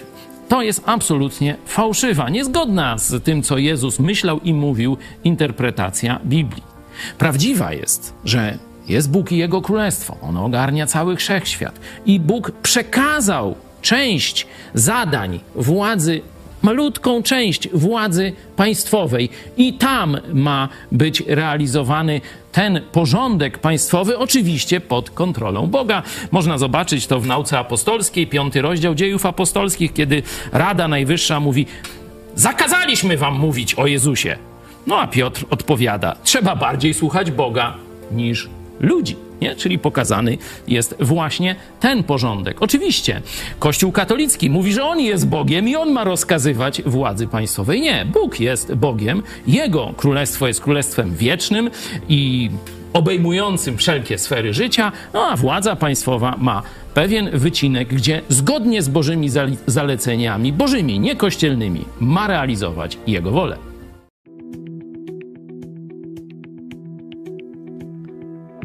25 listopada 1938 roku wojsko polskie i armia czechosłowacka stoczyły bitwę pod miejscowością Czadca. 2 października 1938 roku po decyzji konferencji w Monachium nakazującej Czechosłowacji przekazanie terenów nadgranicznych Niemcom, wojsko polskie wkroczyło na teren należącego do Czechosłowacji Śląska Cieszyńskiego, zamieszkałego w większości przez Polaków Polaków. 1 listopada 1938 roku Polska zgłosiła jeszcze pretensje do części Spiszu i Jaworzyny. Czechosłowacja zgodziła się na polskie żądania i rozpoczęła się praca nad wytyczeniem nowej granicy. Miała się ona zakończyć 30 listopada. Na terenach, które miały być przyłączone, narastała wrogość do Polaków. 18 listopada mieszkańcy Czadcy zaczęli grozić polskim kolejarzom, którzy przyjechali omawiać sprawy związane z ruchem pociągów. Polacy szybko opuścili miasto. 24 listopada we wsi Orawski pod Zamek ludzie obrzucili kamieniami autobus wiozący polską komisję wytyczającą granicę. Dwóch członków komisji zostało rannych. Marszałek Edward Ryd Śmigły nakazał w związku z tym zająć sporne tereny. W Czadcy stacjonował pierwszy batalion czechosłowackiego 41 Pułku Piechoty z batalionu artylerii. Jego dowódca odmówił oddania miasta. Około 10 ruszyła do ataku polska piechota i została przywitana ogniem. Od 12 po obu stronach weszła do akcji artyleria. Około 17 oddziały czechosłowackie na rozkaz szefa sztabu generalnego wycofały się. W walce zginęło dwóch żołnierzy armii czechosłowackiej i dwóch żołnierzy polskiego pierwszego Pułku Strzelców Podhalańskich z Nowego Sącza. Dwa dni później doszło jeszcze do potyczki pod miejscowością Żdiar, w której zginął jeden polski oficer. Do Polski przyłączono 44 km kwadratowe ziemi.